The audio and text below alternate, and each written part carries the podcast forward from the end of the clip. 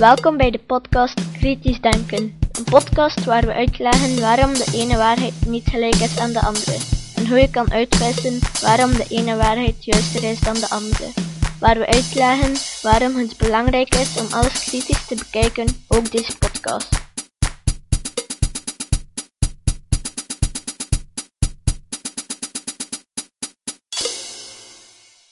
Goeiedag, ik ben Jozef van Giel en dit is de elfde aflevering van de podcast Kritisch Denken. Deze podcast blijkt vrij goed te lopen. De voorlaatste aflevering is ondertussen al meer dan 100 keer opgeladen. Als je de vorige aflevering nog niet kon opladen, dan moet je in iTunes uitschrijven en weer abonneren. Dat zou moeten lukken. Ik heb het probleem gemeld, maar er is nog geen oplossing van iTunes gekomen. Ik wil nog Rick de Laat bedanken, die bij elke aflevering mijn script naleest en verbeteringen aanbrengt. Vandaag verkennen we de wonderenwereld van de homeopathie. Verschillende delen van deze tekst zijn gebaseerd op een aantal artikelen die door Skepsis, de Nederlandse sceptische beweging, gepubliceerd werden. We zullen een homeopathisch recept bereiden en toetsen aan wetenschappelijke realiteit. Hoe werkt homeopathie? Recept tot het maken van het homeopathisch geneesmiddel Natrium muraticum D30. Neem 10 ml natrium muraticum D1. Voeg er 90 ml alcohol aan toe en schud 10 keer krachtig verticaal terwijl je de fles op een houten tafel klopt. Zo bekom je natrium muraticum D2. Neem hiervan 10 ml, voeg er 100 ml alcohol bij en schud opnieuw krachtig. Op deze manier bekom je natrium muraticum D3. Ga zo nog 28 keer verder en op die manier bekom je uiteindelijk natrium muraticum D30. Het natrium muraticum D30 hoef je niet te kopen. Natrium muraticum is keukenzout. In de klassieke chemie natriumchloride. Natriumuraticum D1 maak je door 100 gram keukenzout te verdunnen met ongeveer 900 gram, is gelijk aan 900 milliliter, gedistilleerd water. Laten we deze manier om een medicament te produceren even in detail bekijken. Ten eerste. Het getal van Avogadro. Het getal van Avogadro is een fundamentele fysische constante waarop onder andere de volledige chemie gebaseerd is. Het getal van Avogadro zegt dat er in 1 mol van een willekeurige stof 6,02 maal 10 tot de 23ste moleculen zitten. Dat is een getal gelijk aan 602 en dan nog eens 21 nullen. Een molecule is de kleinst mogelijke hoeveelheid van een stof waarbij die stof nog zijn eigenschappen behoudt. Als je bijvoorbeeld een fles water van 1 liter opdeelt in twee flessen van een halve liter, dan heb je nog altijd twee flessen water. Er zit wel wat minder in, maar het zijn nog altijd twee flessen water. Dat kan je in principe altijd verder doen, tot je een fles hebt waar nog slechts één molecule in zit. Als je die molecule nog eens probeert te delen, dan heb je geen water meer. Maar waterstof en zuurstof, stoffen met totaal andere eigenschappen dan water. Aangezien moleculen en atomen zo klein zijn, is het niet praktisch om daarmee te werken. Daarom werkt men in de chemie met een grotere hoeveelheid, waarbij het totaal aantal deeltjes steeds dezelfde is. Die eenheid noemt men de mol. Een mol is een aantal deeltjes van een bepaalde stof die overeenkomt met het aantal atomen in 12 gram koolstof. Je kan het aantal gram dat overeenkomt met 1 mol van een willekeurige stof berekenen als je zijn chemische samenstelling kent. Op die manier kan je berekenen dat 1 mol keukenzout ongeveer 58 gram weegt. Met andere woorden, 58 gram keukenzout bestaat uit ongeveer 6,02 maal 10 tot de 23ste moleculen zout, of 602 en dan nog eens 21 nullen moleculen zout. Goed, Laten we nu deze informatie gebruiken om ons medicament te onderzoeken. We zagen dat natrium muraticum D1 eigenlijk gewoon 100 gram keukenzout is, opgelost in 1000 milliliter oplossing. Dat betekent dat er in die liter water ruwweg 10 tot de 24 moleculen zout zit. Of een 1 met 24 nullen achter. Met behulp van natriummuraticum D1 maken we dus natriummuraticum D2 door een tiende van D1 te nemen en opnieuw tienmaal te verdunnen met alcohol of water. Natriummuraticum D2 bevat dus 10 keer minder moleculen zout of 10 tot de 23ste moleculen per liter. Op die manier kunnen we berekenen dat natriummuraticum D3 10 tot de 22ste moleculen heeft. Dus telkens als de volgende oplossing gemaakt wordt, valt er een nul weg in het totaal aantal moleculen keukenzout dat er in deze oplossing zit. Op die manier komen we tot de vaststelling dat er in 1 liter natriummuraticum D24 nog gemiddeld ongeveer 10 moleculen zitten, en in natriummuraticum D25 nog gemiddeld ongeveer 1 molecule. Vanaf D26 hebben we dus zuiver alcohol. In feite moet je dit anders interpreteren. Bij D26 is de kans dat je een molecule zout in de oplossing vindt gelijk aan 1 op 10. Zo verder redenerend is het eenvoudig om te begrijpen dat de kans dat je één molecule zout vindt in natriummuraticum D30 ongeveer 1 op een miljoen is. Natriummuraticum D30 is dus zuivere alcohol. Het komt overeen met een oplossing van 1 molecule zout in een volume oplosmiddel van 1000 kubieke meter alcohol. Tijdens deze bereiding komen er onvermijdelijk onzuiverheden in het mengproces, die uiteindelijk in hogere concentraties in deze oplossing zullen aanwezig zijn dan het oorspronkelijke zout dat bedoeld was. De D in deze bereiding betekent dat elke stap 10 keer verdund wordt. D komt van decimaal. Er zijn ook bereidingen met een C die telkens 100 keer verdund worden, de C van het Romeinse cijfer 100. En tenslotte bestaan er bereidingen met een K. Daarbij wordt het flesje volledig uitgegoten. Voor de volgende verdunning wordt enkel gebruik gemaakt van wat er aan de wanden van de fles blijft plakken. Het is interessant om te weten dat verdunningen tot C300 courant zijn. Dat komt overeen met een verdunning waarbij één molecule opgelost wordt in een hoeveelheid oplosmiddel dat groter is dan alle deeltjes in het heelal. Ten slotte zullen gebruikers van homeopathie opmerken dat ze soms pilletjes in plaats van drankjes krijgen. Die pilletjes worden verkregen door suiker- of zetmeelpilletjes te besprenkelen met een homeopathische bereiding. Geschiedenis Eens heel lang geleden, ongeveer 6000 jaar geleden, was China een machtig keizerrijk met een rijke cultuur en in dat keizerrijk waren er zeer veel geneesheren. En, alhoewel veel homeopathie-aanhangers denken, heeft de geschiedenis van de homeopathie hier helemaal niets mee te maken. De geschiedenis van de homeopathie begint als volgt. In 1796 zat Samuel Hahnemann, een Duitse arts, zo goed als aan de grond. Toen kwam hij op een lumineus idee en publiceerde hij zijn bekende Simila-regel. Die stelt dat ziekteverschijnselen kunnen worden bestreden door een middel toe te dienen dat bij gezonde mensen gelijksoortige verschijnselen oproept. Dit product noemen ze het oertecticum.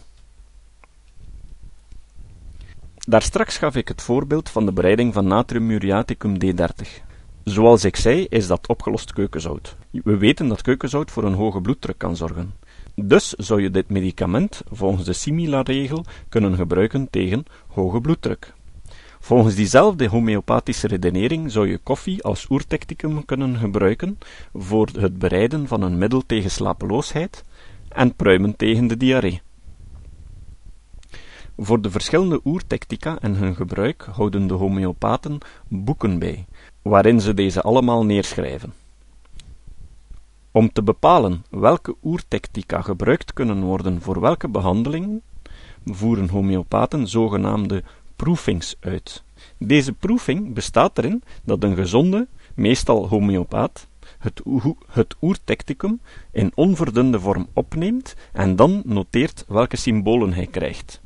Deze praktijk gaat terug tot de eerste proefing die door Hahnemann zelf is uitgevoerd met kinabast, dat gebruikt wordt tegen malaria. Hij meende dat hij zelf gedurende een paar uur malariaverschijnselen kreeg.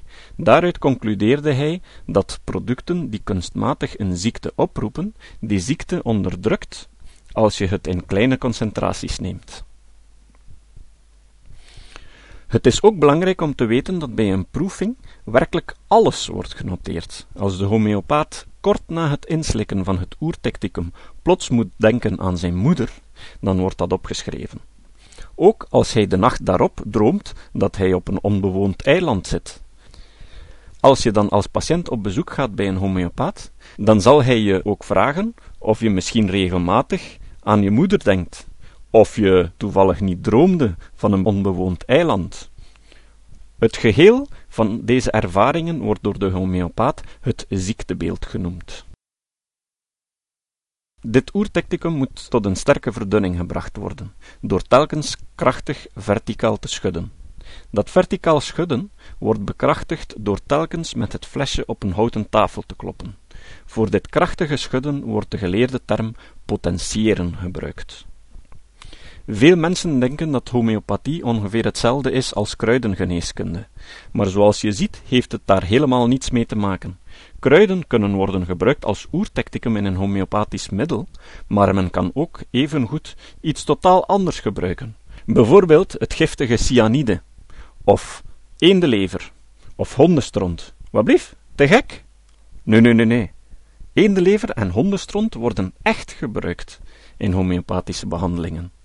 Je moet maar eens in Google zoeken naar het woord excrementum canium.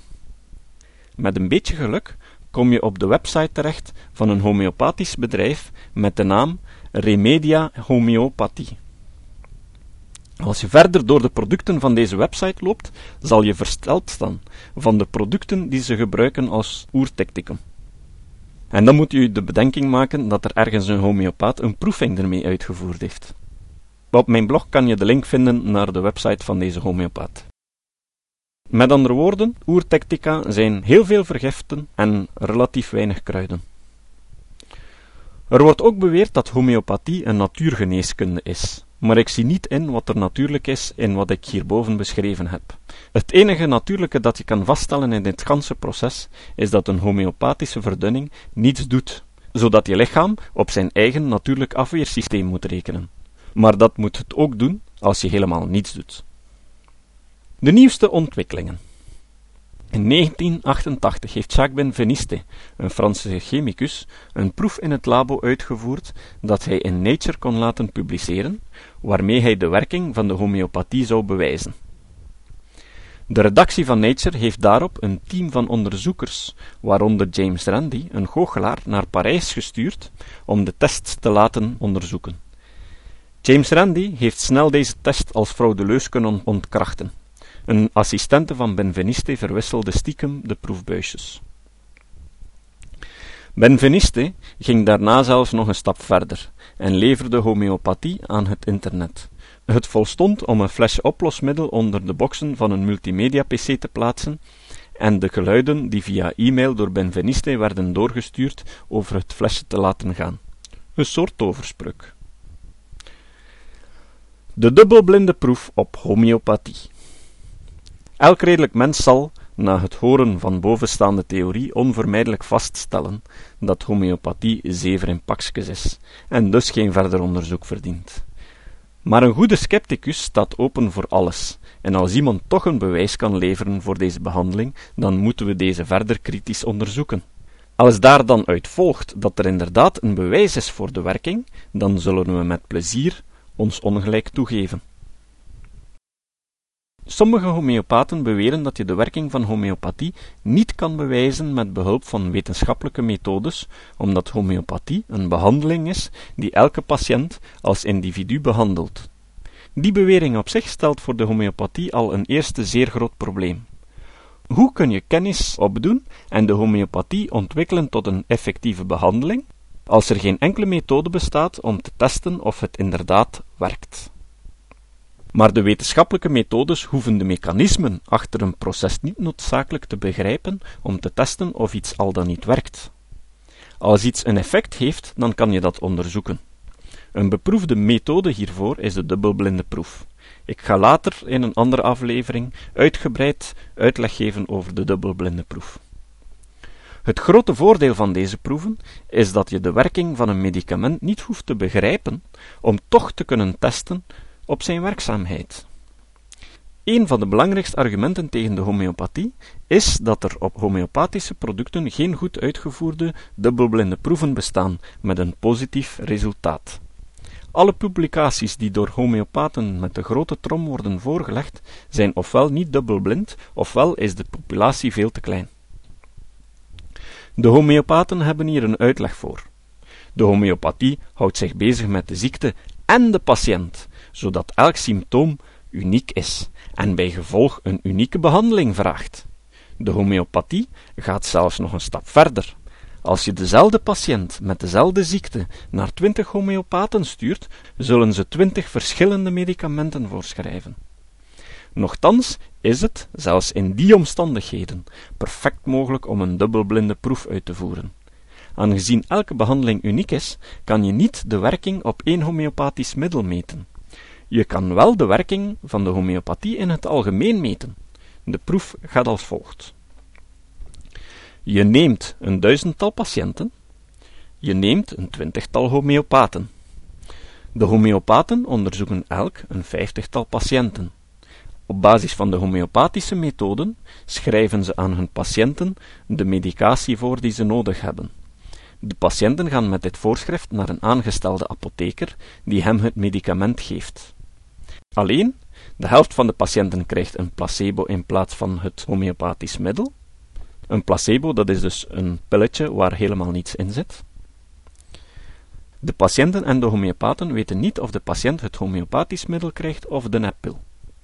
De homeopaten volgen de ziekte verder op en maken verslag op, genezen of niet. Ten slotte controleert een onderzoeker of het aantal genezen patiënten die de bereiding kregen die de homeopaten voorschreven, betekenend hoger is dan deze die het placebo kregen. Deze proef zou perfect werken, ondanks de restricties die homeopaten leggen op hun praktijk, uniek enzovoort. Toch heeft nog nooit enige homeopathische organisatie een dergelijke, goed uitgevoerde proef gepubliceerd met positief resultaat. Er zijn wel al meerdere dergelijke proeven gedaan met negatief resultaat. Onze tijd is op en er is nog zoveel te vertellen. In de volgende aflevering gaan we verder en bekijken we enkele wetenschappelijke verklaringen voor homeopathie, met welke gevolgen we geconfronteerd zouden worden als de homeopathie echt zou werken, waarom zoveel mensen erin geloven, en tenslotte zullen we kijken welke logische misvattingen binnen de homeopathie gebruikt worden. Dan rest ons nog het citaat. Het citaat van deze aflevering is eigenlijk geen citaat, maar de titel van een kunstwerk, Francisco Goya. Iedereen weet natuurlijk dat Goya een Spaanse kunstschilder was uit de 18e eeuw.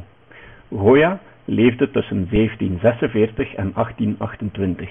Hij heeft veel werken gemaakt die zeer sterk de ziel van de kijker raakt, zoals de derde mei en Saturnus verslindt zijn zonen. Het werk dat ik op het oog heb is een ets met de naam El sueño de la razón produce monstruos. En dat betekent de vermoeidheid van de reden produceert monsters. Ik denk dat de homeopathie zo'n monster is. Tot de volgende keer.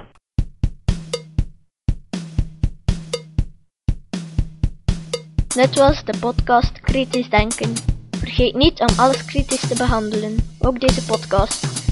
Voor verdere informatie over deze podcast, links en voor de tekst, surf naar www.kritischdenken.info. Als je deze podcast belangrijk vindt, dan kan je me steunen door andere mensen warm te maken ook eens te luisteren. Stuur een e-mail naar je vrienden met een link naar mijn website of plaats de link in de handtekening van je e-mails. Kan me ook steunen door op iTunes deze podcast een goede beoordeling te geven of een recensie te schrijven. Of je kan op je eigen website of blog een link naar mijn website plaatsen. Hoe meer links, hoe sneller je gevonden wordt op Google. Dat kan beloond worden door een link naar jouw website bij mij.